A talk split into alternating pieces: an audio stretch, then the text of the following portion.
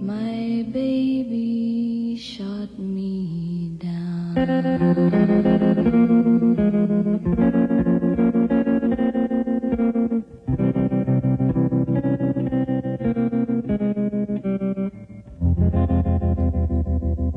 痛快丸かじり杉作 J 太郎のドッキリナイトスピリッツ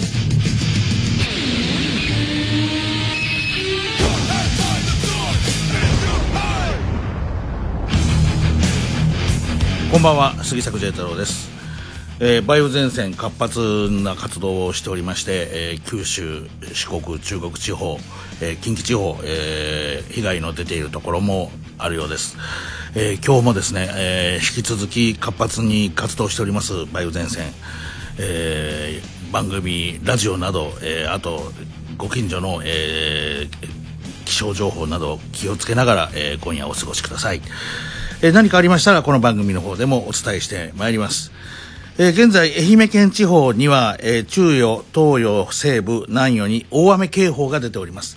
あと、愛媛県内、あのー避難準備勧告、避難準備が、えー出ている、レベル3が出ている地域もあるようですので、えー詳しくは、えー地元の、えー何かこう、えーインターネットなどで調べていただけまましたらとあ思います。よろしくお願いいたします。この番組でも、えー新しい情報出ましたら紹介してまいります。はい。それでは今日1曲目参りましょう。今日1曲目。はい。えー関口誠。関口誠さんです。天川伝説殺人事件。「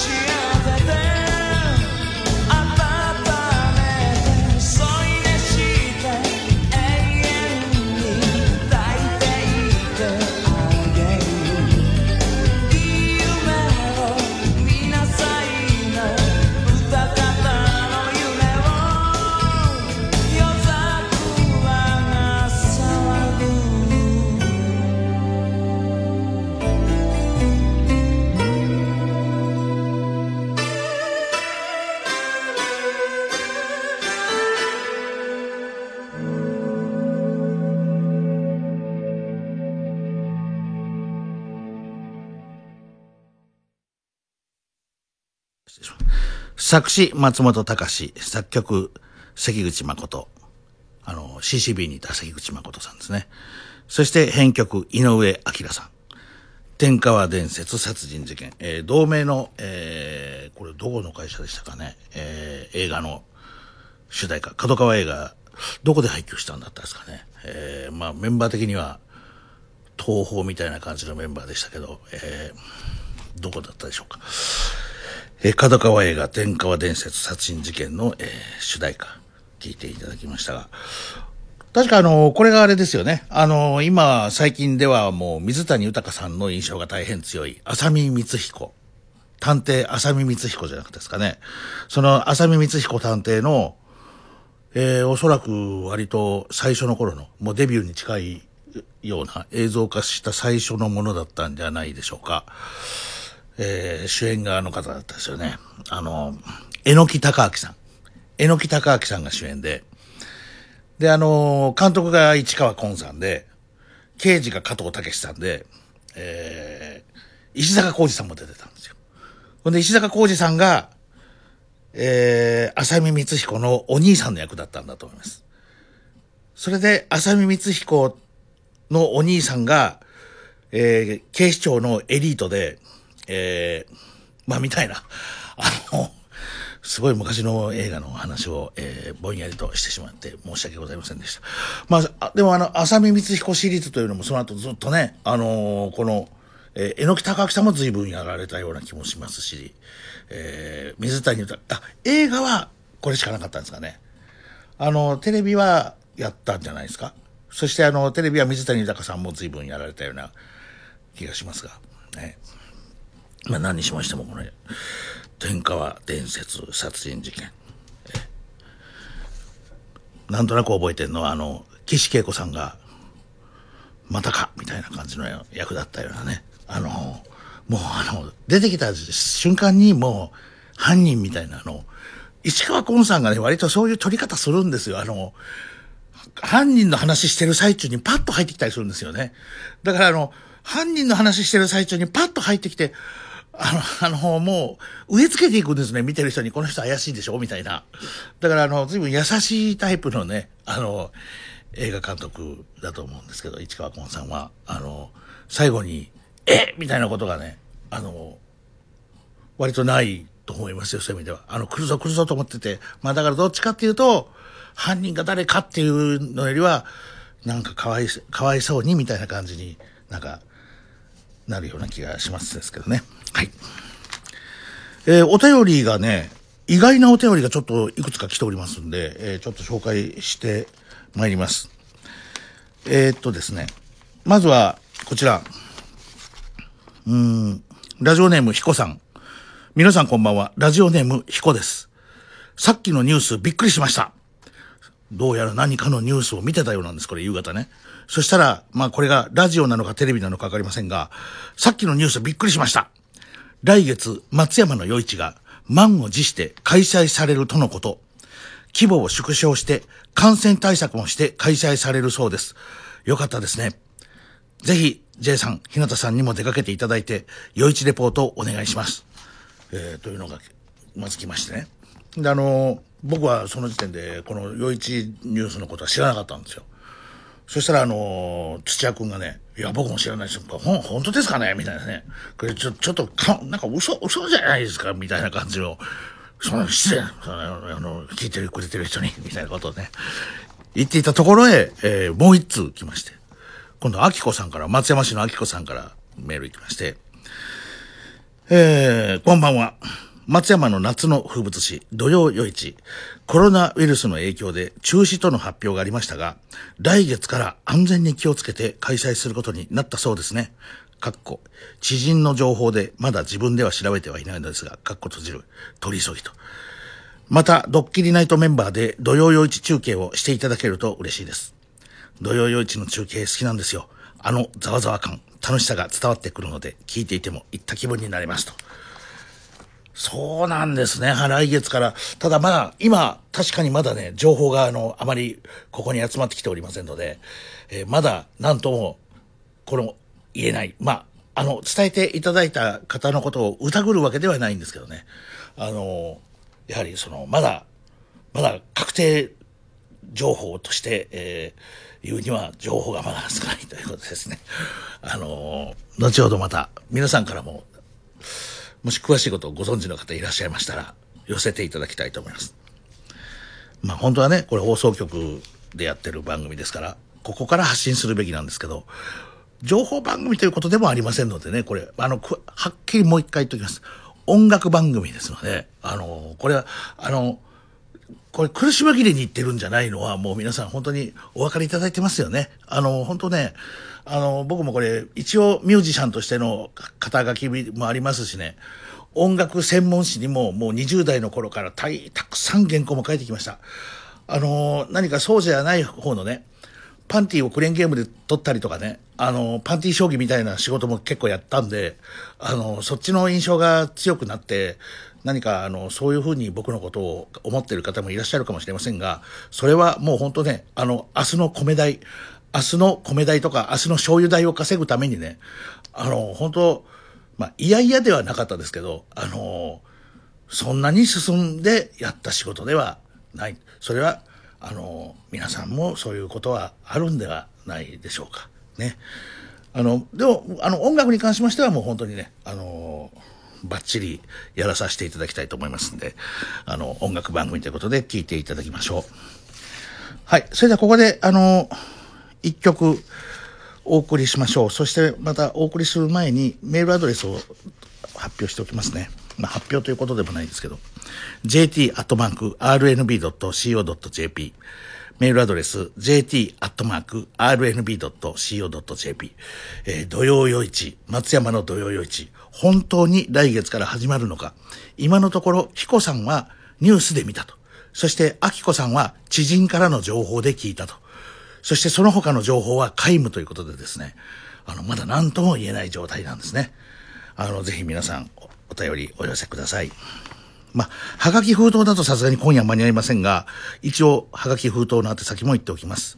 郵便番号790-8510松山市本町本当の町と書きまして本町少年の町というとゼフなんですけどね本当の町本町。1の1の1南海放送。通海杉作 J 太郎のドッキリナイト係まで。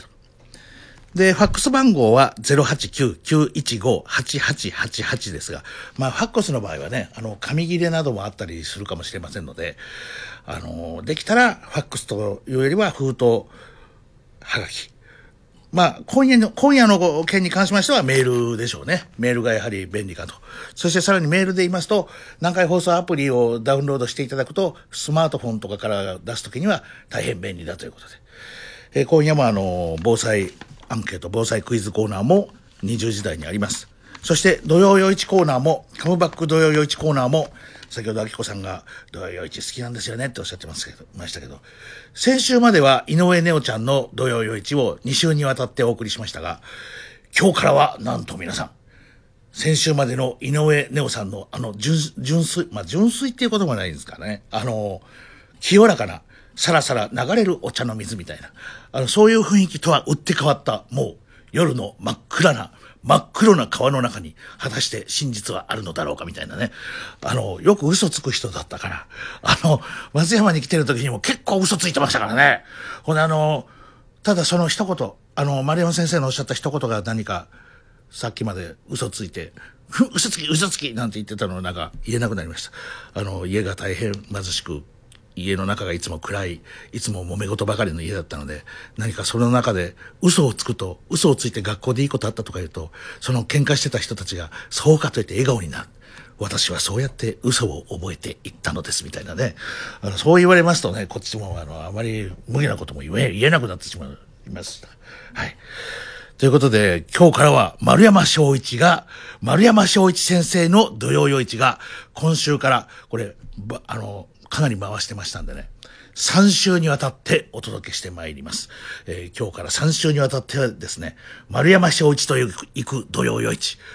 まあこれはおそらく丸山正一先生もいろんなところでシナリオの教室とかね、映画のことも教えてらっしゃったり、あといろんな専門チャンネルでも丸山正一が語る脚本の話とかもされてると思いますが、えー、丸山正一と行く土曜4時というのは、世界広しというでも、この南海放送だけのスペシャル番組ですから、えー、これはもうぜひともね、皆さんお聞き逃しのないようにしていただきたいと思います。はい。さあ、それでは、えー、音楽番組としてお送りしております。痛快杉作 J 太郎ドッキリナイトスピリッツ。一曲聴いていただきましょう。デューク・ピアソンで、発射バイ。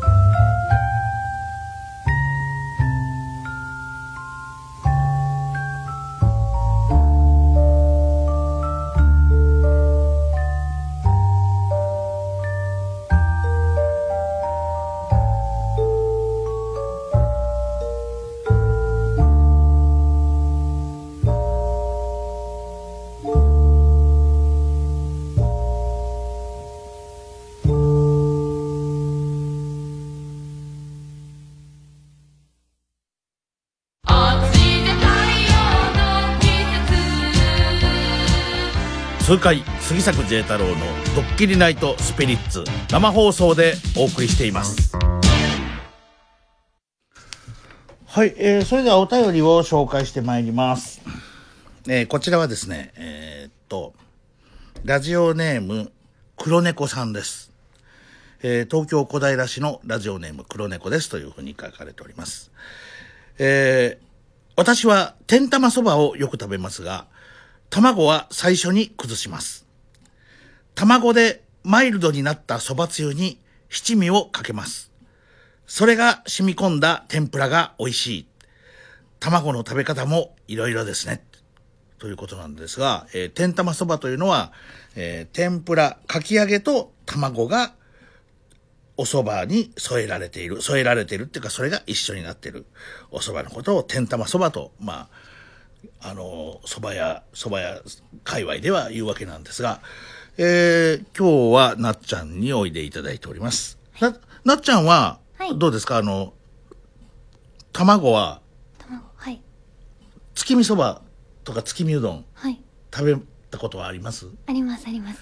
この、く食べるタイミングって決まってます？食べるタイミングですか？あの、卵をはい崩すとか崩さないとか、ああのね、最後までね、最後まで取っといて、あの、全部麺類をと食べた後に、つるんって飲むのが、本当だよね、みたいなことをね、あの、アックスという、あの、はい。漫画家、漫本のね、漫画を書いてるね、東洋片岡というね、あの、大変、あの、敵に回したくない人物がね、あの、そういうことを言ってるわけなんですけど、で、東洋片岡のやってるスナックに来てるお客さんの T さんという、結構うるさ型の人もるさ型、やっぱりそうだよね、みたいなね。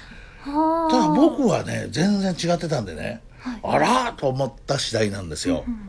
そうですね。私も最初に潰してもう絡めて食べる派ですね。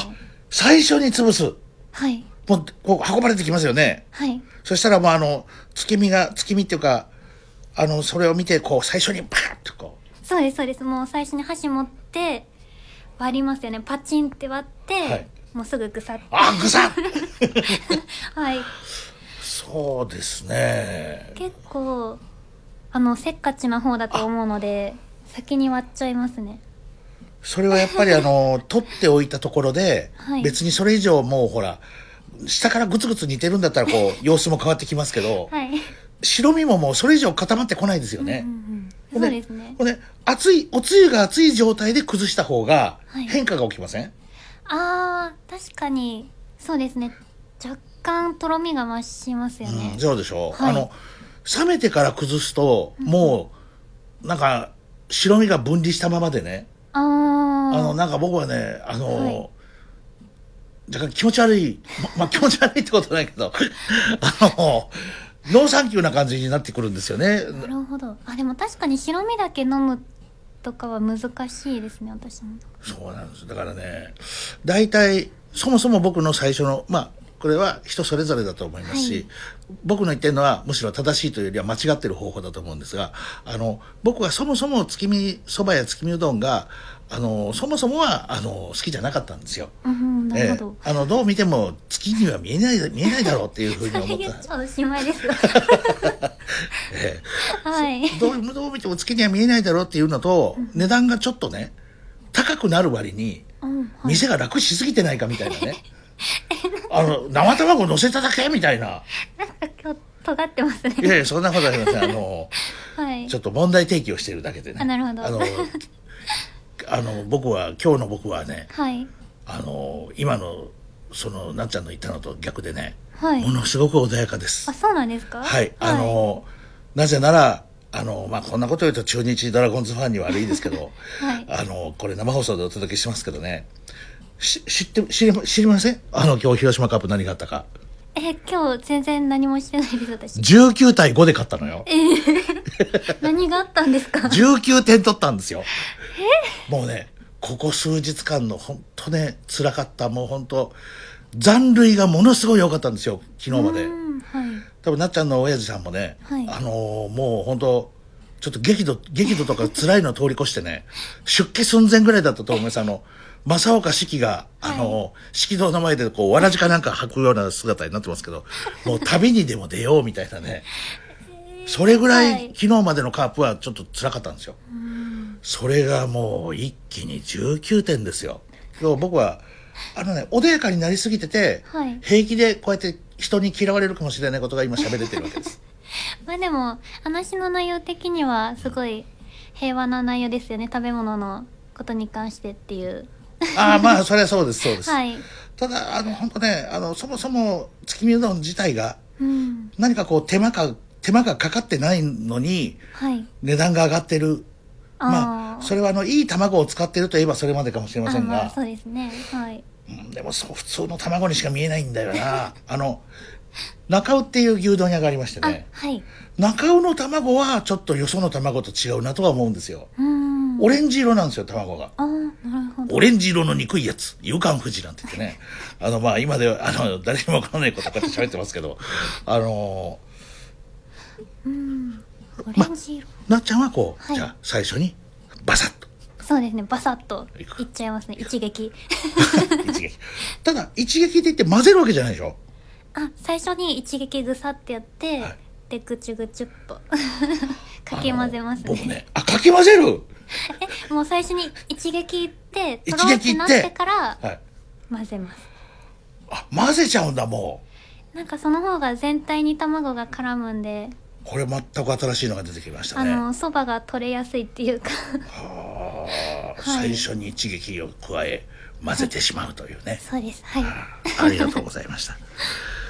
というような感じで、えー今日も、えーもうすでに30分近くが過ぎましたけど、えーここからもう一曲だけ、もう一曲聴けますね。もう一曲聴きましょう。あの、雨の被害がね、あのーどうでした？大丈夫でしたか？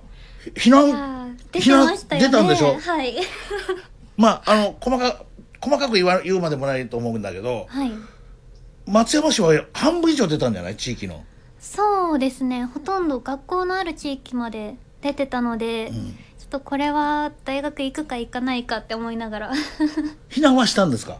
いやしてないですね。しなかった。でもはい。避難はしなくていいぐらいのものだったの？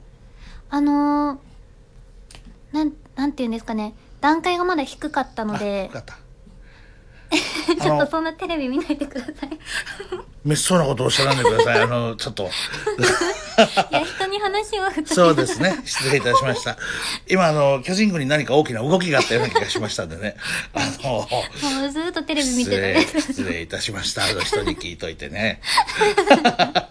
いやいやいやはい、はい、あの、もう一回聞きます。あの、な、何でした？いやまだ段階が低かったので、私は避難してないですはいあの、あるんですよね。あの、お年寄りとか体のちょっと良くない方は、はいもう避難した方がいいですよってそうですねいう段階があるんですよね。はいそれだったってことですか？その段階でしたあその段階だった。はいまあ、見るなと言われると余計見たくなってくるもんですけどね。まあでも見ずに頑張ります。皆さん、これラジオを聞きの皆さんもね、テレビ見ながらき見てる人もね、ラジオ聞いてる人もいるかもしれませんが、なるべく耳はラジオにね、ね耳はラジオに一つよろしくお願いしおます。願いしますではここで一曲聴いていただきます。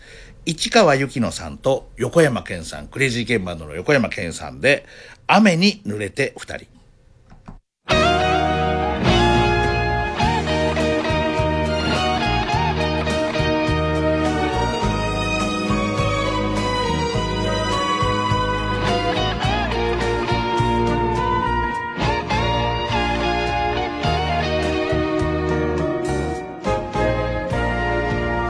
夜の盛り場通り傘もささないで行けばネオンの海に路地の日がにじむ捨てた指輪が雨に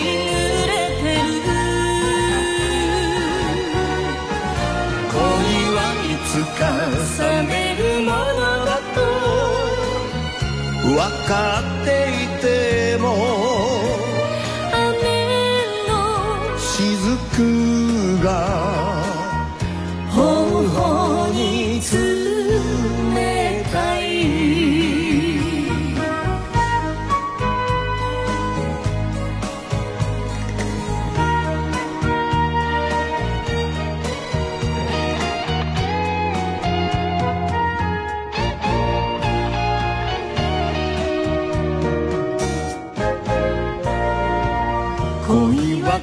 しいものね。心すれ違う。部屋に咲かせた花も。みんな枯れました。誰のせいでもないの。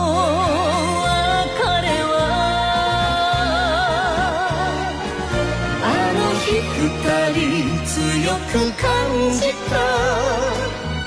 あのときめきは思い出すたび胸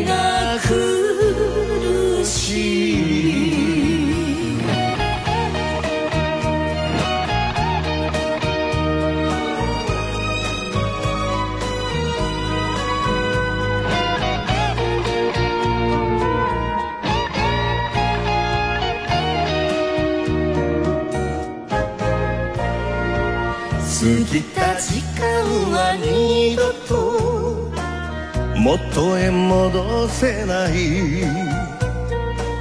楽しかったわあなた。二人のメモリー。恋の未練か。夢が泣くのか。夜が明けて朝の光に。飛び立つ鳥の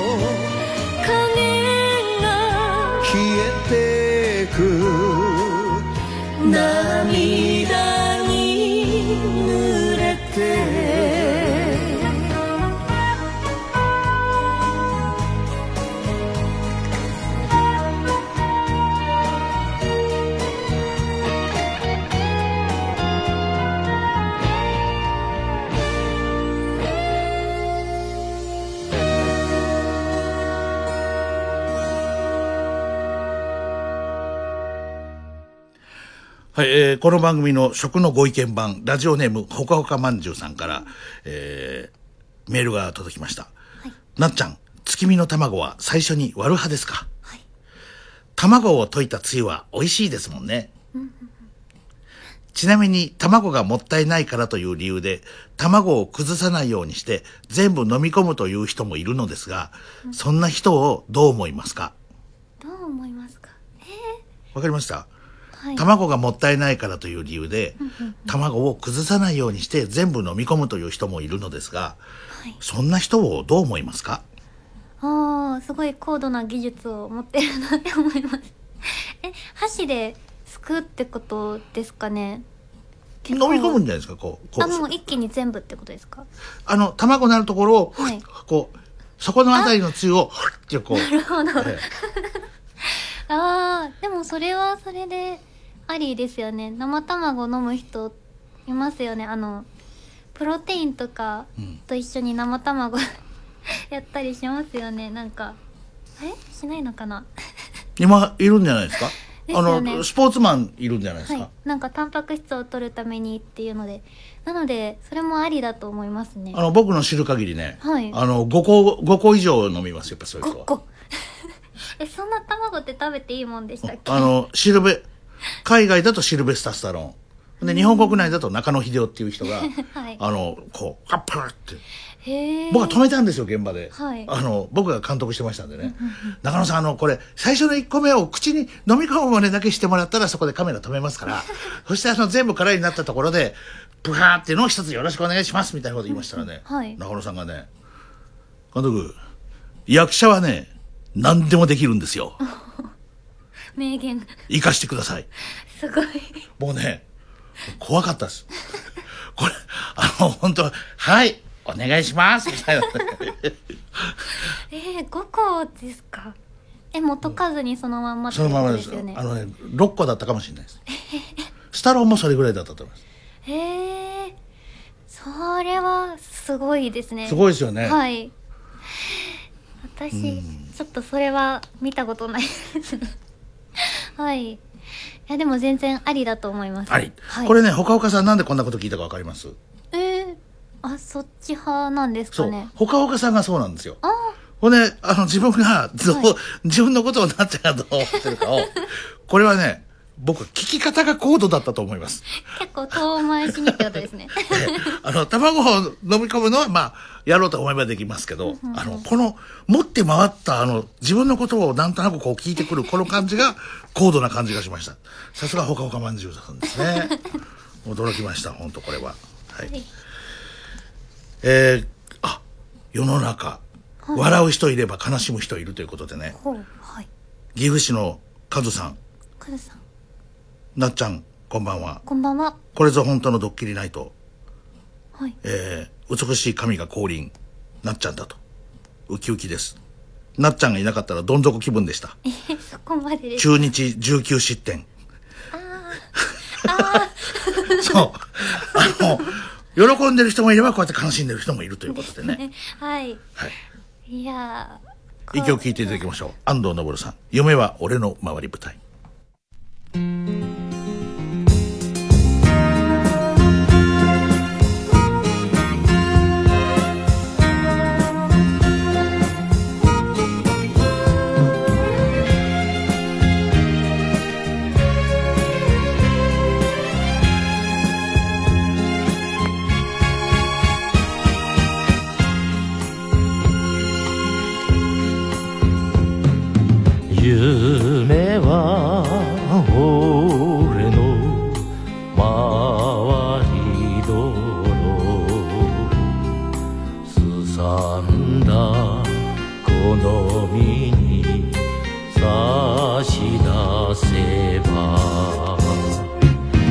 馴染んだ街が遠くなる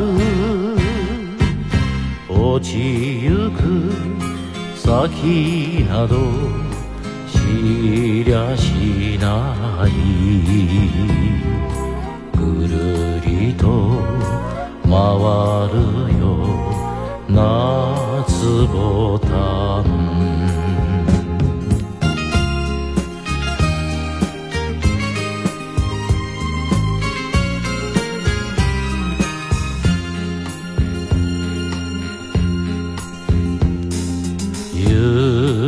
夢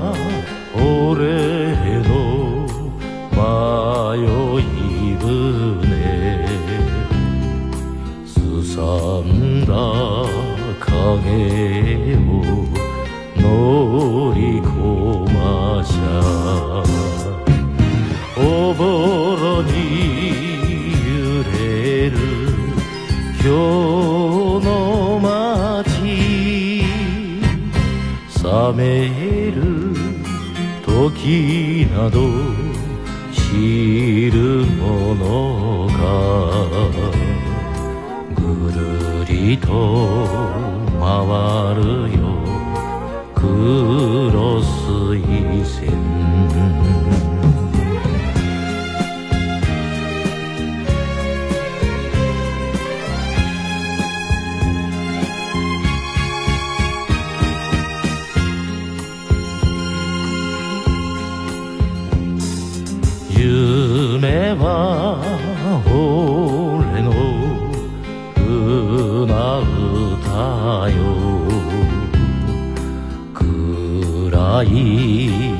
定めを引きずって愛縁起縁の狂い旅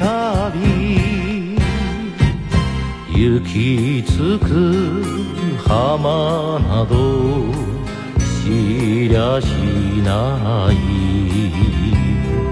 それでも回るよ。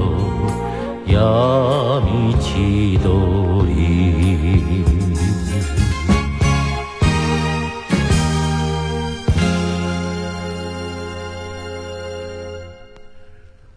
安藤昇さんで「夢は俺の周り舞台」聞いていただきましたがさあそれでは、えープレイバック土曜夜市はい。丸山正一先生、えー丸山正一先生あのー懐かしいですよね、先生の映画がねもう間もなく公開になるんですけど、はいこれまた充実あ松山でですよ。もうあの、よその地域はもう公開しているところもあるんですが、プレイバック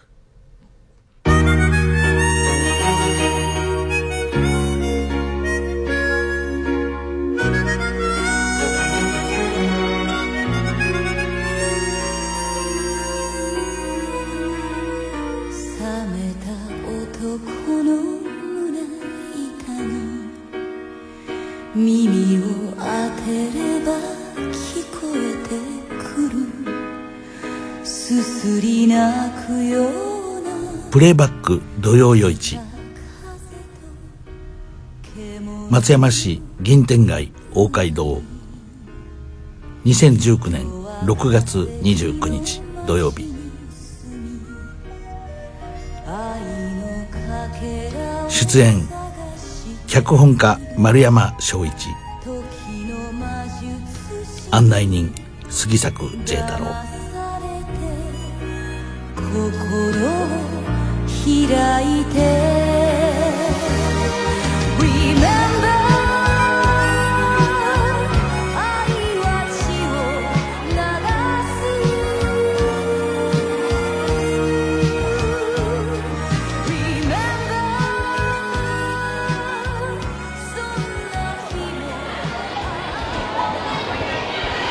はい、丸山先生、これが松山のですね、土曜夜市というのが毎週やってましてですね、どうですか？いやいやいやいや、びっくりしましたね。こすごくないですか？あの人手が。れねね、すごい人手で。いやー、びっくりしました、本当に。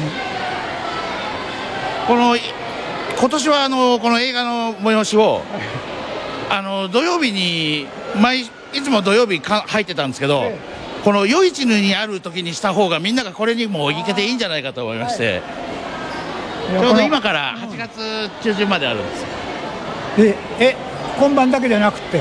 毎週毎週土曜日やるんです、ああ、これいいですね。なんかね。あの。えーっと、B 級映画って言ったらわかるかどうかわかんないですけど。B 級映画のあの賑わい。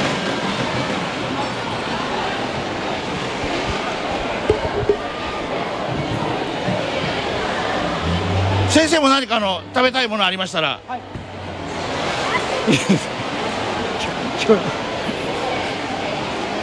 突然恐縮しますね、これはね。先生はあのこういう屋台とかではい。やっぱり馴染みが若い子供の頃からあるんじゃないですか？屋台はね、あのーまあ、祭りがね、本当好きですから、好きですけども、こここまであの普通の街とタウンとね、はいえー、と屋台がこう一緒一体になってるっていうのは珍しいじゃないですか、こういうところにね、珍しいですよね、珍しいですよ。いやいや、これ松山の子供たちはもうこの季節が来るのがもう何より楽しみなんですよそれと何よりこのアーケードがね、ぴったり合いますよね、やっぱりね。こうやって雨が降っててもね、全然大丈夫だし。いや、これはいいね。いや、今、たまたまね、映画館から出てきて、うん前振りなしだったもんびっくり、びっくりして。でもできたらね、こういう映画のワンシーン撮らせてもらいたいですね。もうもう先生の着想が湧いてきたという、ええ、ありますね。はやっぱりあのもうこれはシナリオライターとしての差がなんですかい。それはもうですね。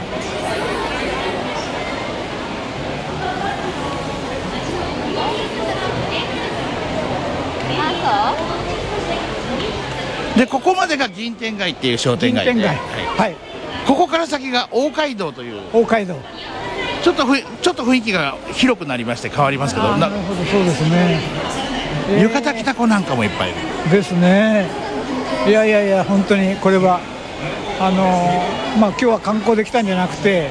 えー松山の映画ファンの、ね、方たちのためにと思って来てるんですけど一瞬旅人になりますね。うん。知らない街に来たらすごい祭りがあったという。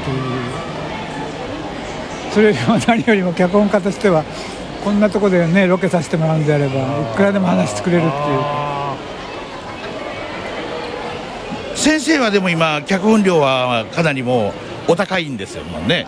昔はね今はもう全然そんなことはないです。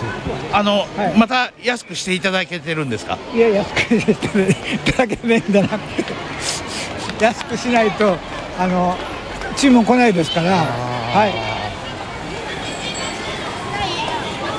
あの僕たちも映画をこれから先作っていきたくて、ええ。あの奮闘してるんですけど、ぜひあの先生にですね、この松山を舞台に書いていただいて、それを我々があの一生懸命やっていきたいような気持ちもあるんですけどいかがですか？それはごく普通に考えてこれは脚本の注文ですね。はい。はい。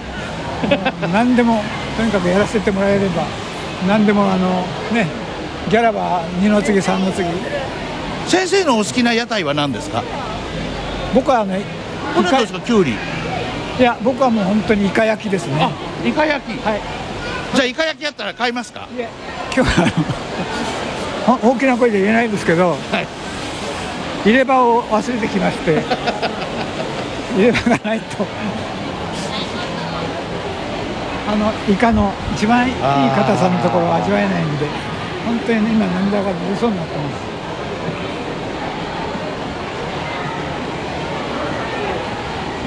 これおそらくだから先ほどか話に出ました金子庄司さんなんかは絶対来てたと思いまああえそんな昔からあるんですか？す僕が生まれた時からありますんでね。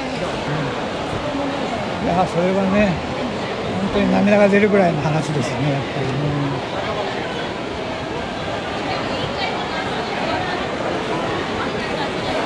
あのー金子庄司さんもね残されてる脚本の中にあのーこうなんていうかちょっとしたお祭りが出てくるのがあるじゃないですかやっぱり。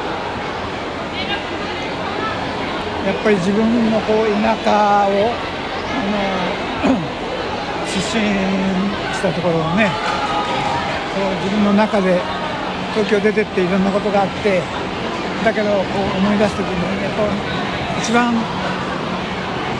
こう残ってるのはお祭り、うん、それじゃないですかね。あ先生イカ焼きが丸山先生の匂いがね。今日は入れ入れ歯問題によりまして、このイカの香りは相当強烈な香りですね。ねラジオだとこの香りを届けられないですけど。うわいい香り。風に眠るのは胸が冷たくるから朝の眩しさを待ちわびて夢さえ忘れる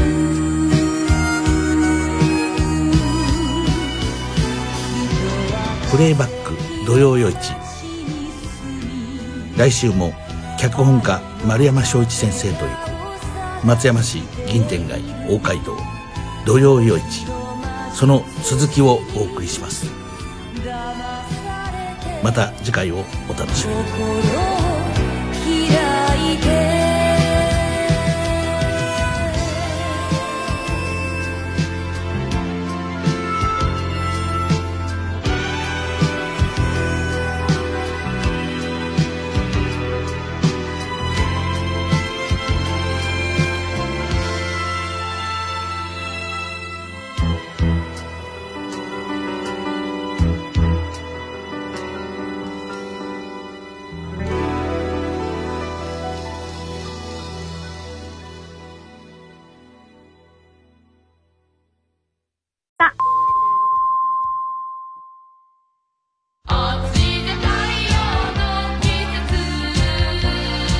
9回杉作 J 太郎の「ドッキリナイトスピリッツ」生放送でお送りしています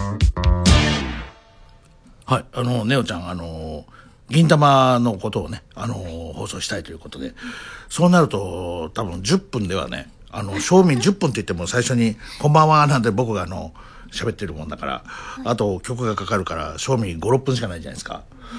56分じゃ多分銀玉77巻の話はできないと思いますんでね。はい多分その時は何かうまくこの番組とこうコラボしてですね、まあコラボじゃもともと一緒の 番組ですけど、ちょっとネオちゃんの番組を早めに前倒しして、例えばもうあの9時、9時の頭からあもう9時の頭から10時いっぱいまで1時間丸ごと、あの、もう、拡大版、ネオラジみたいな感じで、はい。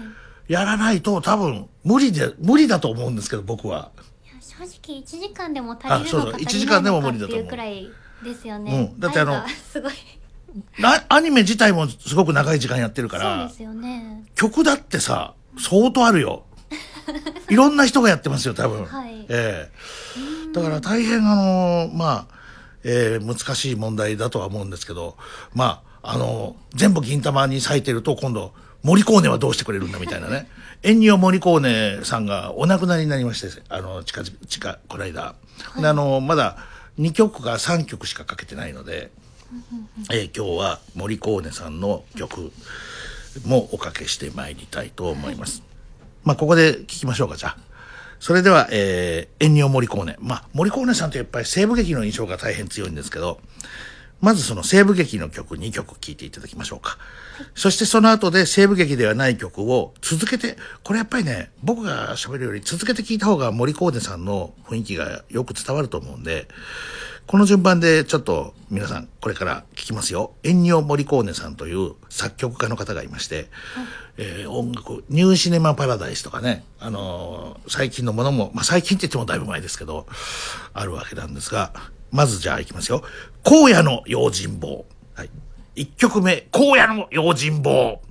そして2曲目、夕日の岩盤。はい。これもう完全に西部劇ですよね。で、ここから西部劇じゃないのを行きましょうか。えー、太陽の下の19歳。えー、そしてさらにはですね、もう一曲行きましょうか。パゾリーニの鳥。ここまで行きましょうか。え、ここまで4曲続けて聴いていただきたいと思います。どうぞ。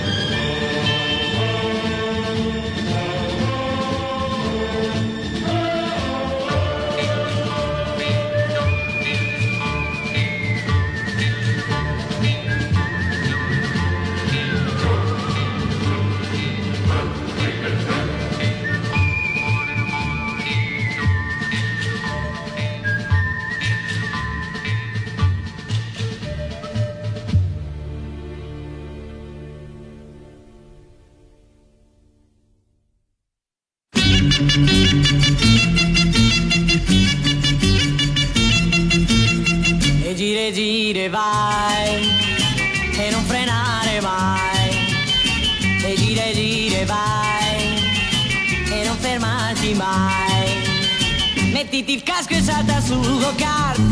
E vai e vai go go go go kart e ballerai il twist del go-kart.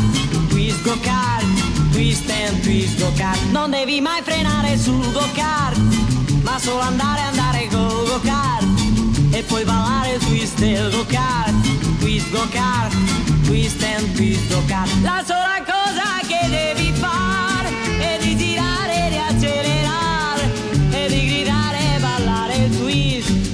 go-kart, go-kart. Mettiti il casco e salta sul go-kart e vai e vai go go go go-kart e ballerai il twist del go-kart, twist go-kart, twist and twist go-kart e gire gire vai. E non frenare mai.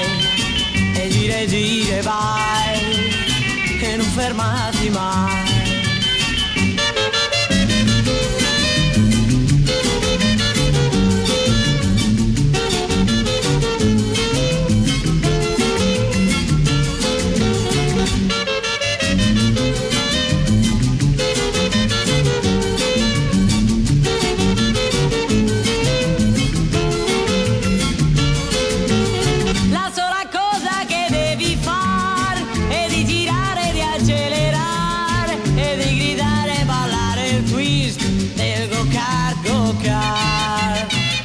Mettiti il casco e salta sul go-kart e vai e vai go go go go-kart e ballerai il twist del go-kart, twist go-kart, twist and twist go-kart e gire gire vai. E non frenare mai. E gire gire vai. E non fermarti mai. Ed ecco il twist ed ecco il twist ed ecco il twist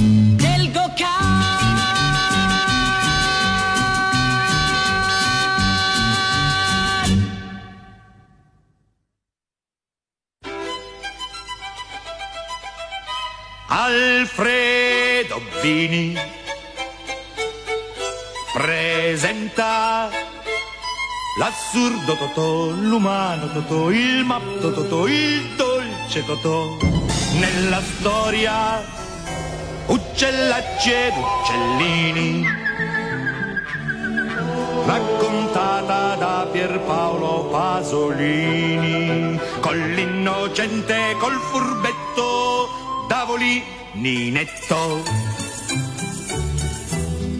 Trovati per le strade del mondo tutti gli altri attori, da Femi, Menuzzi a Vittorio Vittori.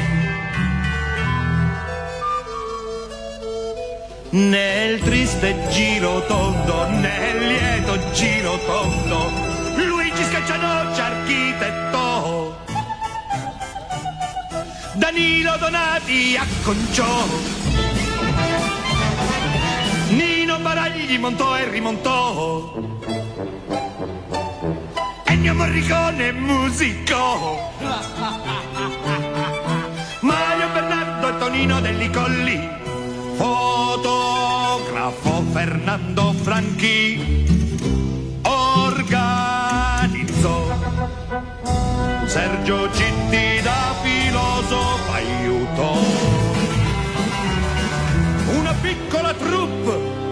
per le periferie vagabondò. Per campagne e paeselli si scannò. Producendo rischiò la sua posizione. Alfredo Bini dirigendo rischiò la reputazione Pierpaolo ソリ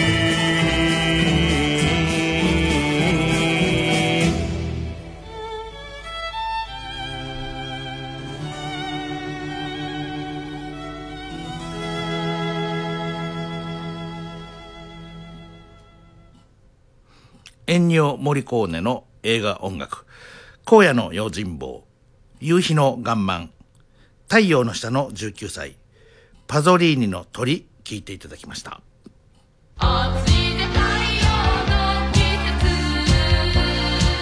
痛快杉作 J 太郎のドッキリナイトスピリッツ生放送でお送りしています F 難防災キャンペーン西日本豪雨から2年はい、えー西日本豪雨から2年が経ちました。まあ、あのーこの後もね、2年経ったらもう来ないってもんじゃなくて、今も、あのー警報が愛媛県内出ております。えー改めて防災、命を守る行動について考えましょう。そこで、えー現在ですね、えー南海放送では F 難防災アンケート、F 難防災手帳クイズを南海放送アプリを持ちまして行っております。えーぜひ参加してください。期間中アンケートと問題は毎日変わります。それでは今日の防災アンケートです。7月11日、今日の防災アンケート、4択です。まあこれアンケートですから正解があるわけではありませんので、あの皆さんのあの素直な感想をアンケートで、え出していただければと思います。災害情報を何で確認しますか ?1、各機関のホームページ。2、テレビ。3、ラジオ。4、SNS。どれか一つを選択してください。続きまして、F 難防災手防災手帳クイズです。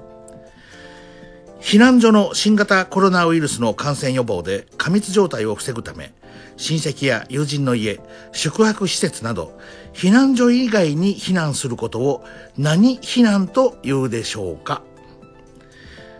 クイズは南海放送のホームページにも掲載している最新版 F 難防災手帳に掲載している内容から出題しています。ぜひご覧ください。このあの、ホームページからあのダウンロードして、一冊の本にすぐ簡単にピロピロピロっと折るとなるようになっておりますんで、で、そこにこの今のクイズの答えは分かるようになっております。それを読んでいただきました。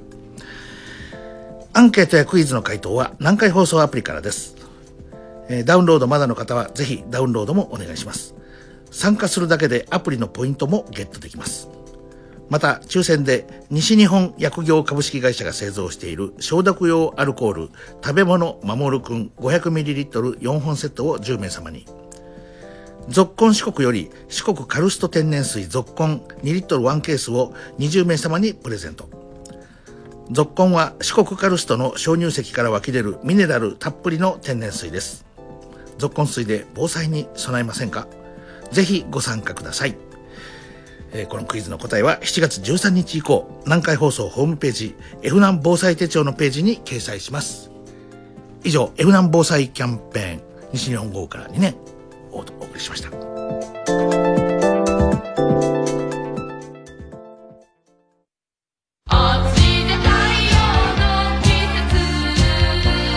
数回、杉作 J 太郎のドッキリナイトスピリッツ、生放送でお送りしています。はい。それではここでお便り読ませていただきます。えー、ラジオネームキップルさんからいただきました。こんばんは。ラジオネームキップルです。えー、卵問題盛り上がっていますね。なっちゃんは最初に潰す派なんですね。どうせ潰す、どうせ潰すしというところが合理的なリケジョらしい感じがします。さて、卵といえば、お蕎麦、うどんだけでなく、ラーメンにも入っていますよね。私はラーメンの味玉が好きなのですが、卵丸ごと1個入っているお店の場合の食べ方で迷っています。片茹でに近い半熟であれば、箸で割ればいいのですが、黄身が流れ出るような半熟の場合は、箸で割るとプチュッと飛び出してしまいそうで、行儀が悪いと思いつつ、とりあえず丸ごと口に運び、半分食べて、黄身が柔らかい場合は吸い取ってしまいます。J さん、なっちゃんは味玉はお好きですか？どのように食べているか教えてください。とのことです。はい。はい。なっちゃんはいかがですか？ラーメンの味玉。そうですね。確かにお店ごとに硬さが違うなっていうのは感じるんですが、うんとりあえず私は箸で硬さを確認して、はいで、あ、これは無理だと思ったらもうかじりつきます。ああ、なるほどね。はい。この味玉っていうのは、あの、味がこう、綺麗に染みて、半熟みたいになってて、とろりと。あれですよね。あれです。僕ね、あの、食べたことはもちろんあるんですよ。はいただ、あの、やはりあの、根が節約派なもんでね、うんあの、なあまり頼まないと思いますね。あの、極力頼まないように。だから最初から入ってると、半分でも入ってると、わあ、儲けた儲けたと思いますけど、わざわざ味玉100円ぐらいしません ?100 円とかあー。150円とか。確かに追加料金のところもありますよね。そうなんですよ。だからね、僕はなるべくね、あのーさっきも言いましたけど、はい。卵が増えるだけで金額が倍増していくのが、これはね、もう19点取った取らないとはもう別の次元のね、あの、あの、私のこう、節約派としての、あの、がっちり、がっちり派としてのね、えー別にあの、うんはい。まあだから、なんだ、なん、なんでしょうね、こう、きつねうどんとかでね、はい。この味の染みたうんお揚げが、はい。あれなんかだったらあんまり気になってこれないんですよね。あの、大体、お揚げを食べる機会があんまりないからだと思うんですけど、そうですね。確かに、卵はね、どうしても僕なんかもパックで買いますから、はい。するとパックで買ってね、あの、まあ、普通に買って今200円ぐらいですね。はい。で、安売りしてて130円、40円ぐらい。で、さらに、あの、700円以上お買い上げの方はとか、あの、1000円以上お買い上げの方はとかになると、100円を切る店なんかもありますね。ありますね。はい。で、そうなりますと、1個10円足らずのものが、えー一気になぜ100円、150円になっていくのかというのがですね、あの、僕は、その、おつゆとか麺は大変敬意を払ってね、はい。だからそれを頼んた食べに行ってるわけだから、トッピングはトッピングで儲けようとはしないでいただきたいっていうのが僕の正直な もう麺とスープで儲ければいいじゃないですかっていうね、確かにそうなんです、まあ、こんなこと言ったらもうねお前はもうラーメン食う資格ないとかね。あのお前みたいな発想のやつがラーメン屋を滅ぼすとかいうように言う人もいるかもしれませんが。でも私も追加で頼むことはめったにないですね。あだから最初から入ってるラーメンだったらラッキーってやつでしょ？はいそうなんですよ。だからね、僕もそれを探すようにしてます。あの、うん最初から、こうメニュー見て、お、卵がこれは、半分入っ、あ、これ卵入ってるねみたいな。あと、そうなんですよ。えー、写真がない時はどうするんですか？写真がないときは、だからまあ基本的には諦めてますねあ。あなるほどえうーんそうですね私もなんか頼むまではしないんですけど入ってたらあ食べよっていう感じです。あとはもう自分で作ればいいかみたいな。え 味卵？あの家で普通にタッパの中に入れて。やってるんですか？あやりますね。あ、味卵を家で作っている。あのー、鳥肌が立ってきましえたよ。なんでですか？いやいや、一番がっちりしてるじゃないですか。いね。や財布の紐は固くしておかないと。そうですね。はい。あの、入ってきたものは出さない。なるべく出さない。そして、えー入ってくるときには緩めておくというような。そうですそうです ありがとうございます。あの、勉強させていただきました。さあ、それでは今日はここでですね、えー森コーネさんの曲先ほど続けて聴いていただいたんですが、今日はさらにですね、えーちびっこが大好きな、もう大昔のちびっこが大好きだった、解決ズバットというね、正義のヒーローがいたんですが、その正義のヒーローの歌、正義のヒーローの曲をですね、えー聞いていただきましょう。じゃあ、まず1曲目、日本じゃ2番目だな。はい、これまず聞いていただきます。そしてもう1曲、テレビサイズ。これがテーマ曲なんですが、地獄のズバッと。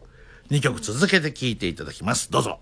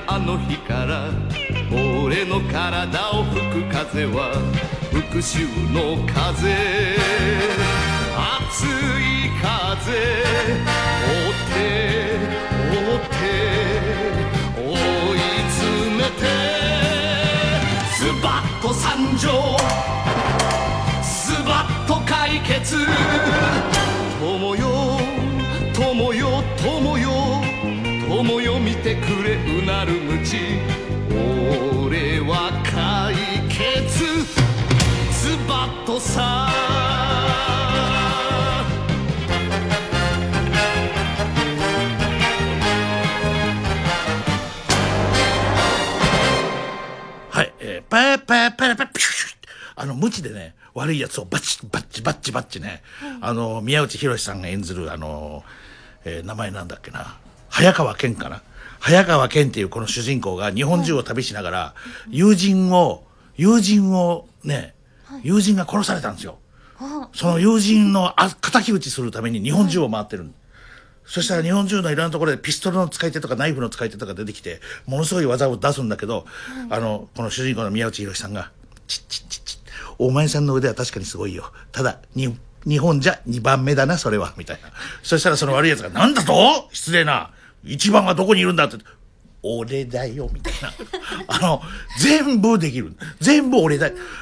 ピストルもナイフももう何でも、俺だよ、なんて言ってね。ほんで悪い悪いやつを次から次にやっつけていくのが、この宮内博さん。ほんであの犯人が、その、なかなかわからないんですよ。友達を殺した犯人が。ほんであの次から次に訪ねていくんだけど、ここで大変不思議な登場人物が出てくるんですよ。すべての現場で悪い奴をやっつけたけど、その悪い奴は友達を殺した仇じゃなかったっていうんで、警察に引き渡すんですよ。ほんで、ズバッと参上。あそしてこの男、なんとかな悪い奴って言って、トランプのカードみたいなのを置いて去っていくんですけど、全部の事件が終わった後にいつもパトカーが来て、ファンファンファンファンファンファンファンファンって来てね、刑事が来て、あの、じ逮捕していくんだけど、日本全国同じ刑事が来るんですよ。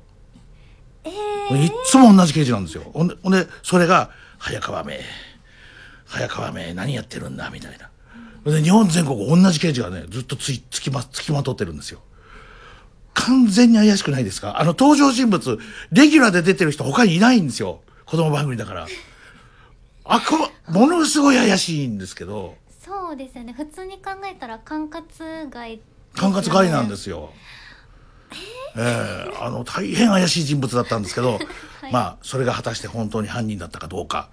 まあ、これから見る人が0.01%いるとも、いないとも言えませんので、ここではあえて言わずにおきますけど、はい。それでは、えーそんな友情、友情熱き男、早川健の、えー二人の地平線。まあ、これはあの、宮内博さんが、おそらくスキャットしてるやつだと思います。そしてもう一曲、えー、水木一郎さん。先ほども水木一郎さんですけどね。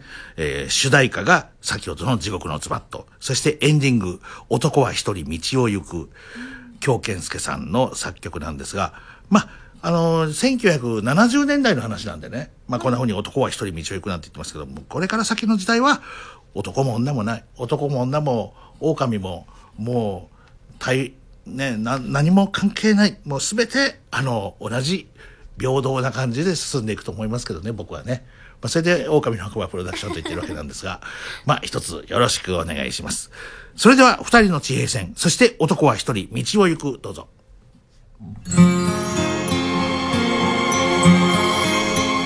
ラ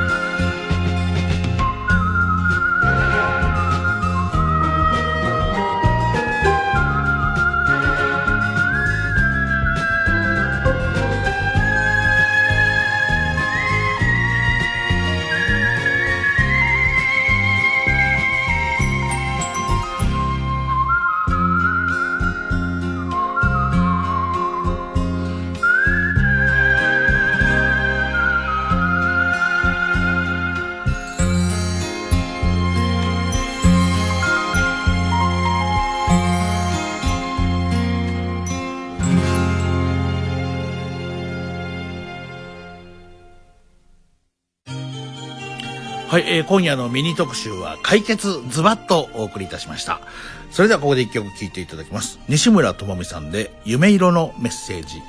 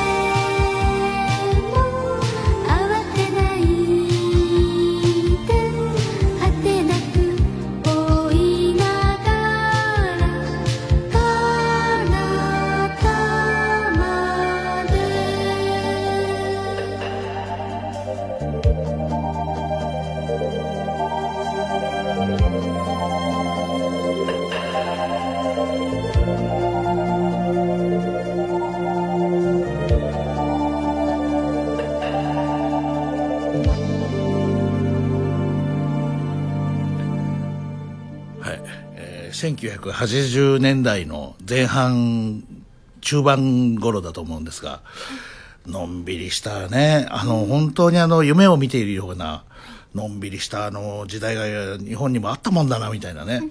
今あのコロ、コロナ、新型ウイルスのこの状態の中ではね、ちょっとなんかもう、覚醒の感があるわけですが、えーなぜこの曲が今かかりましたかというと、えー夢色のメッセージがここから伝えられる。この、今始まるわけです。はいはい。ドッキリナイト夏の陣、オールキャストでお届けします。はい。えー夢色のメッセージがついに、えー私の口から語られていく。えー現在、あの、ローソンチケットで発売中なんですね。はい L コード61577、61577で発売されております。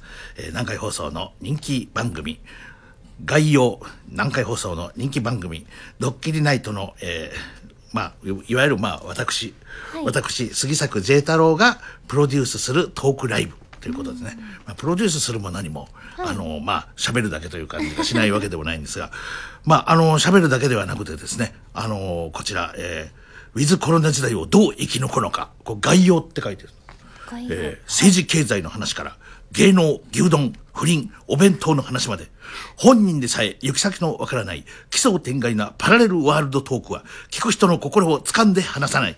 これは藤田裕次郎さんが書いたことですかあーっらぽいですね。いや。はい。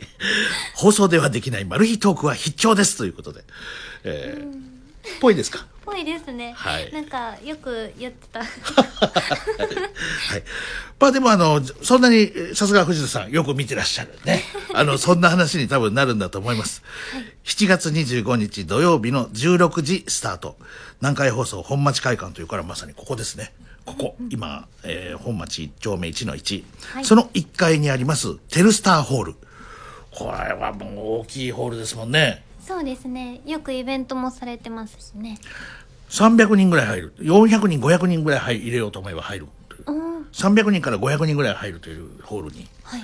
えー実はですねこれがね最初ね定員50人だったんですよ。あそうなんですね。あのやっぱコロナ対策で。コロナ対策で、はい。あの窓も開くんでここ、あの窓が開くのがここだけみたいなんですよ。どうやらかなり開くのが、だから上の方の階はちょっと開かない、まあ窓あっても小さいので、ここだったら窓開けてできるっていうんでこのテルスターホールでやることがあの決まってるんですが、これがね、あの、実はね、初日に、発売が実は7月のね、これ、4日に発売したんですが、発売初日から、えー問い合わせとかがありまして、あの、本当50人はどうやって選ぶんだみたいな。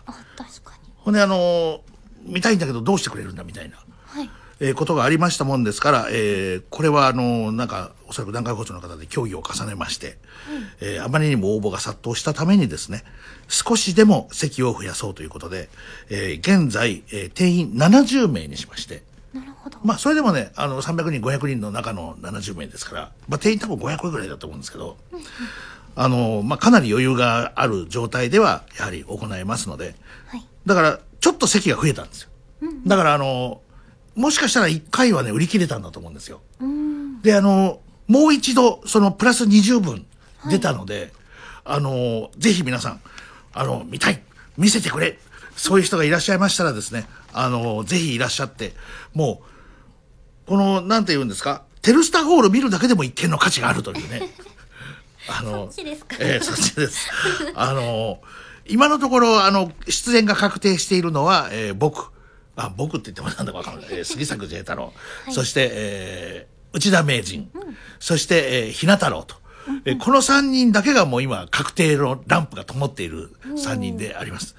で、ね、今ね、これお便り来てるんですよ。はいえっとね、ちょっと待ってください。はい、エキスポ81さんがお便り来てまして、こんばんは。こんばんはなっちゃん質問です。はい7月25日の番組イベントには出演されますかって。あーこれは難しいんですよね、ちょっとね。そうなんですよね時間的な問題でそうですよね。はいだから、うーん、もし出演するとしたら、あの、あらかじめ何かで撮っとくとかね。うんえーその場合何を喋ったらいいんですかねそうなんですよまあ誰も行方がわからないですよねうんあの、ちょっとまあ、なっちゃんに関してはちょっとまあ、はい難しいではないだろうかというはいことです。はい。ですからまあ、今のところこの3人ですけど、あの、人が増えすぎてもね、そうですね。これも、あの、出演者もす増えすぎても、ステージの絵が、あの、3密状態ではなくなってしまいます密から。ですになっちゃいますね。そうなんです、そうなんですよ。だから、あの、はい。3人のうちの3人ともが揃うことは多分ないと思いますよ。うんそう3人のうちの2人が揃うとかね。今のところ、あの、ひな太郎さんのファッションショーが予定されてますけど、その時なんかはもう彼女1人、ああで、あの、内田君からはなんか寝とぼけた企画が来てましたけど、まあ、それは却下ということでですね、あの、いや、まだ時間があるんで、はい。あの、今夜決定やりましょうよ、みたいなこと言ってたんですけど、持ち込み企画なんですね。はい、あの、ちょっとなんかあの、取ってつけたような企画だったんでね、まあこれはちょっともうちょっと考えようやっていうことでですね、あの、僕と内田君のコーナーは、古書店探訪をやろうって思ああう、いう話になったんですよ。確かに現物が見れたらやっぱり話がしやすいですよね。そうなんですよ。そして、そこへ、はい。あの、古書店の簡単な簡易古書店みたいなのもステージに作ってですね、そしてそこへ僕たちが訪問していくようなところを、なるほど。できたら面白くないですか？そうですね。雰囲気出ますね。ハリー・ポッターみたいにするわけ。そんな話じゃないのかな。幻想的なで本が急に飛んできたりして。あそんなはいそんな、そんなことできるわけないっていうね。まあ、それは冗談としましても、はいあの、なんかね、誰かの、誰かのえ本屋を、あこれどうしよう、なっちゃんの古本を、なっちゃんのお家の本を貸してもらってね。え私こっちにもう本持ってきてないですね。ああ、じゃあダメ漫画くらいしか。漫画、うんそうですね。誰かね、なっちゃんじゃなくてもいいんですけど、あの、竹内愛樹さんとかね。ああの、本を何冊か借りてきて、はい。あの、おすすめの本を紹介しつつ、あの、我々がそれを、ああでもない、こうでもないっていうような話はね、あんまり面白くなかったですね。あの、内田君の企画がつまらないって言って、僕のが、じゃあ今、すごく良かったかって言ったら、今聞いてて、なんか暗い気持ちになってきましたんで、あの、考えます。はいね。人間は考える足であるというね。ああありますねパスカルでしたっけね。違いますか？多分そうだと思いますパスカルですよね。だと思いあのーそしてあのこんなこと言った人もいましたよ。えー人間は朽ち果てるみたいなこと言った人もいました。ハイデッガーだったと思いますけどね。はい。あの、それを紹介したからといって急に賢くも見えないというね。あの、もう大変あの、もうあの、挽回するのに必死ということなんですけど。まあ、あの、何にしても、あの、何でしたっけ？イベントがある。あるそして店員がそう、定員が70名にはい増えたと。はいですから、あの、チケットがまだあると。ですから、ローソンに行ってくださいと。あの、ぜひこれをよろしくお願いいたします。で、当日なんですけどね、あの、なんかね、記念品みたいなものを、せっかく、だから、記念品みたいなものもお渡しできればとは思ってますんで、ぜひあの、まあ、あんまり当てにせずに、当てにせずに。当てにせずに来ていただけたらね、一番いいのではなかろうかというふうに思うわけなんですが。まあ、ただ、まだ時間がありますからね。ここから、あの、なんか大逆転企画が生まれないとも限らない。なるほどまあちょっとね、あの、何らかの形で、あの、なっちゃんの何かもお届けしたいというふうに思いますんで、あの、よろしくお願いいたします。よろしくお願いしますさあ、それではちょっとお便り、ここで読みまあす。お願いしはいます、。ラジオネーム、国松さんです。えー、こんばんは。こんばんは月見そば論争を生んだアックス最新号。はい。はい杉作先生の連載も共感するところの多い内容でした。自分のことをどう呼ぶか、人をどう呼ぶか、人からどう呼ばれるかという問題。そう、これね、僕ね、かなり真剣に書いたんですよ、この原稿。僕自分で自分のことを書くときにね、はい僕はとか書くときもあるけど、私はって書くときもある。で、俺はって書くときもある。定まらないんだよ、これが。もう何十年物書きやってても。で、小生はって書く、書いた時期もあるんだけど、はいこれいけると思ったんだけど、もうやめ、書いてないんですよ。ほんで、おいどんはとかも書かないしね。ぼ、ほんで、ぼくちんはってのがいけるかなと思ったけど、一番ダメだろう、なんて思ってね。あの、で、あと人を呼ぶとき、なんとかくん、なんとかさん、なんとかちゃん。これも難しいでしょ。そうですね確かにだから、例えば、なっちゃん、なつさん、なつくん。例えばね、くん付けでやった方がいい場合もあるかもしれない。こう、距離、距離的なものも含めて。あと、もう一つ言うと、こう、さん付けしてると、なんか距離が遠いような、あれ？なんか、仲いいんじゃないの？みたいな。も、あれ、かといって呼び捨てしてると、中には感じ悪く感じる人もいる。まあ、まあそういうこと、まあそういうこと、アックスの最新号をぜひ読んでいただきたい。東洋片岡の漫画をぜひ読んでほしいですね。あの、月見うどんのもう、は、発端になりましたね、これがね。はい。で、あの、そういうキャラクターを自分で、私は、こう国松さんは、私は人からちゃん付けで呼ばれることも、人をちゃん付けで呼ぶこともありません。なるほど。はい。そういうキャラクターを自分で作ってきてしまった。といえばそれまでですが、お互いになんとかちゃんと呼ぶような人間関係が自分にはないと思うと何か寂しい気がします。あのね、業界用語みたいなんで、なんとかちゃんとかいう人いるんで、あの、小林伝次さんが、なんとかちゃん、ビジネスライフに行こうよ、なんて言って言って言ってました。けど、あの、ちゃん付けっていうと、やっぱりなんかこう、こう距離が密にね、ああそれは感じますね確かに、なっちゃんはまず自分のことをなんて書きます、自分文章で書くときは。文章ですか？基本的に私ですね。私。はい。そして喋るときは、喋る時も基本的に私で、まあ、実家に帰ったら一人称は自分の名前になります、あはあ、い、あなるほどね。自分の名前で呼ぶ場合がある、自分を。なんかその方が誰が喋ってるか分かりやすいかななるほど。で、あのー人を呼ぶときはどうですか？人を呼ぶ時は大抵はあの友達同性の友達はちゃん付けで男性は？男性はくん付けですね、まあ、仲良くなったら割と名字呼びだだったら呼び捨てになったりとかするんですけど。これ本当にケースバイケースの部分もあるじゃないですか。そうですよね。だ僕の友人にバン・ジャクソンっていうのがいて、はい。ずっとバンさんって呼んでんだけど、呼びやすいんですよ、その方がもう。バンさん。これがバンちゃんになると、ちょっともう、ちょっと長くなりません、バンちゃんだと。あかといってね、バンっていうほど、バンとかいうのもちょっと、あって急に言われたらえってなりますよね。ちょっとドキッとしますよね。本当ですね、バーン！バキュー！みたいなね。ちょっとびっくりしますよね。はい昔テレビでアニマル浜口さんが若松一正さんに、いやー、いっちゃん久しぶりだなーと話しかけているのを見て、とてもいいなと思いました。杉作先生、ぜひよろしければ私のことを一度、国まっちゃんと呼んでいただけますでしょうか？わかりました。国まっちゃんやってる最近。国まっちゃん今度やろうよ、これ。今、麻雀の真似してますけど。あの、国まっちゃんやる。もちろん、もちろん、一円もかけずに。はい。ということで、えー国松、国松ちゃんのお便りを紹介させていただきました。はい。それではここで一曲聴いていただきましょうかね。はい。ここで一曲聴いていただきましょう。えー、ラ・セゾン。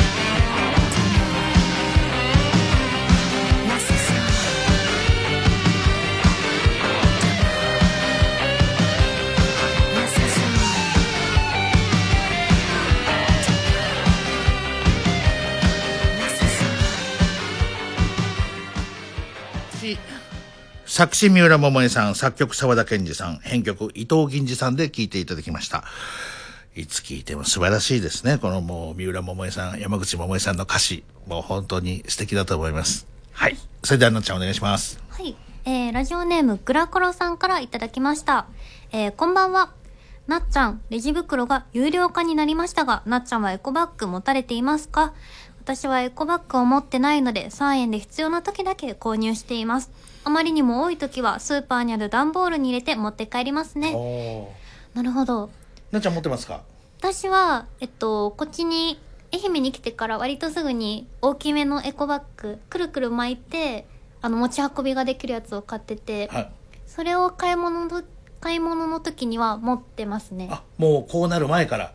はい。もうずっと？そうですね。やっぱりもう一味も二味も三味も違うねもう本当にいやいやいや っていうのも、あの、広島の方では、はいもう割と早くからレジ袋が有料化だったので、愛媛に来て、あ、まだ袋もらえるんだって思ってて、なるほどね、はい。そうなんですよ。広島ちょっと早かったわけですね、はい。了解了解じゃあ次行きましょうか、次行きましょう。次は、えーラジオネーム毎日ギャンブラーさん。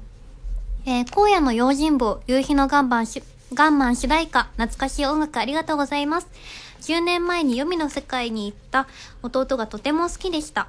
もう40年ぐらい前のになりますが、スクリーンという月刊誌を愛読していました。久しぶりに弟を思い出しました。先生のこれからのご活躍を応援しています。よろしくお願いします音楽番組として頑張りますからねはいはい。えー、次は、ラジオネームメーテルさん。えー、こんばんは。来月は、なっちゃまのお誕生日ですね。番組のご卒業に間に合えば、なっちゃまのお誕生日。お祝い特集会があると嬉しいです。ドッキリメイツの皆さんとお祝いしたいです。何卒。そうですね。あ、でも、ネオちゃんの誕生日もありますよ、来月。あれ？なんか一日違いじゃなかったですか？そうなんですよ。あそうでしたねそうですね。本当にそうでしたはい、はい。えー、次いっちゃいますよ。はい、お願いしますえー次はラジオネーム黒猫さん。えーこんばんは。卵のメール読んでいただいてありがとうございます。カープ19得点、良かったですね。私は中日ファンなので今日は落ち込んでいます。名古屋ドームでのワースト失点とのこと。あら明日は負けませんよ。うんだそうです。やっぱり明日が大事ですよね。はい。はい、明日の試合大事だな。だあの予告先発もう先発予告されてると思うんですが誰だろう？誰だろう？えー誰なんだろう？誰なんだろう？はい、はい。さあそれでは、えー今日お別れの曲近づいてまいりました、えー今日お別れの曲は、えーこちらになりますね。はい、千葉真一さんで「旅人一人」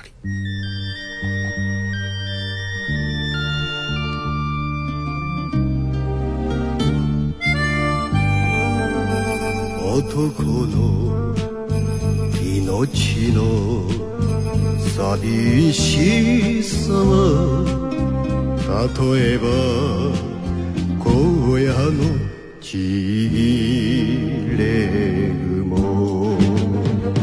どこへ行くどこへ行く旅人一人。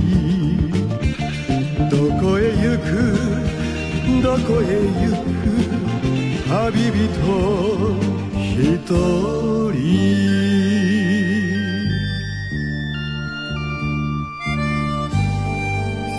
男の夢の儚さは夜空に燃えて散る花火。どこへ行く？どこへ行く？旅人。一人。どこへ行くどこへ行く旅人。一人。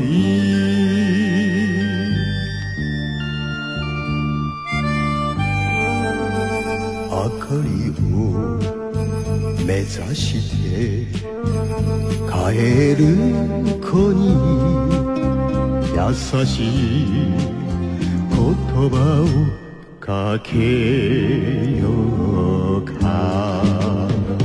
どこへ行くどこへ行く旅人一人。どこへ行くどこへ行く旅人一人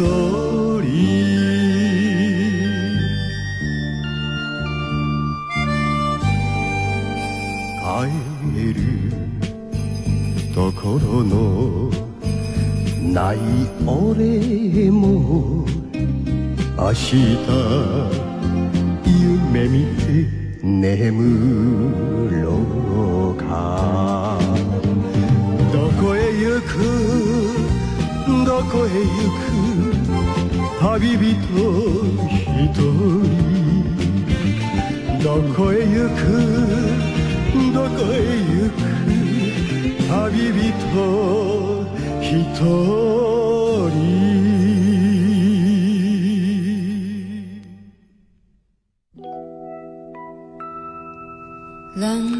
はい、えー、モアミュージックの大久保さんからメールいただきました。なっちゃんお疲れさんです。お疲れ様です今日、富士グラン松山のメガネ店にレンズ交換していただいたメガネを受け取りに行くと、40代、50代とおぼしき男性店員さんから、杉作さんのラジオよく聞いてます。頑張ってくださいと言われました。嬉しかったです。すごいですね。そして、それより何より、カズさんには悪いのですが、えー中日のね、はいあの、カズさん、カズ、中日ファンの、カープの対象に鬱憤話ができました。大人げないと言えばそれまでですけど、でもまあ、カープファンの正直なところ、本当ね、ここんとこもう本当、鬱憤が溜まってたと思うんですよ、みんなね。そうそう、先日雨の中、店の前で僕がしていた作業は、草むしりではなく、詰まっていた排水溝の目詰まりを取って流れやすくしていたのです。雨水の流れがある方が、ある方が、あ、雨水の流れがある方が土くれを除去しやすいもので、以前強い雨の時に雨水が店の入り口まであと50センチぐらいまで迫ってきたことがありましたからね、ということで。えー、そういうことなんですね。はいすいませんでした。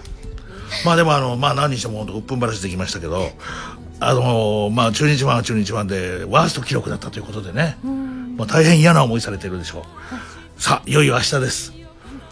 これでも僕はね、僕の気持ち的には中日すごい好きなんでね、はいあのまあ中日とカープファンって近いところはあると思うんですよ、僕すごくなんか分かり合えてるようなとこが。だから、あの、ど、どうなってもいいけど、明日誰ですか、先発は？明日はえっと梅津さんと遠藤さんでしたね若者同士が。ああどうなるんですかねええはいうん、あの、遠藤ははい、調子がいいんですよ、今すごく。エネルギーがうん、あの、間違いなくあの、先発で独り立ちできそうな雰囲気なんで、うんはい。はいこの後は藤原達也さんのラジオです。明日の試合楽しみです。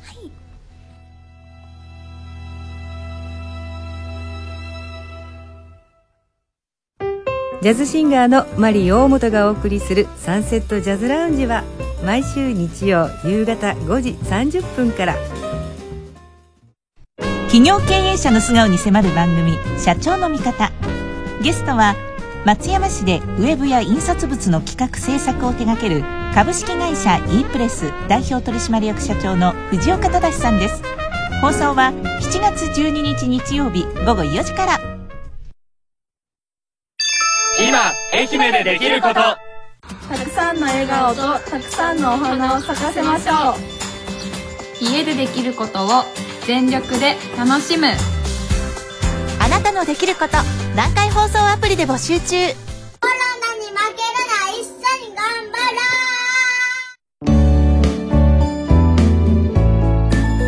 う。F 南南海放送が午後11時をお知らせします。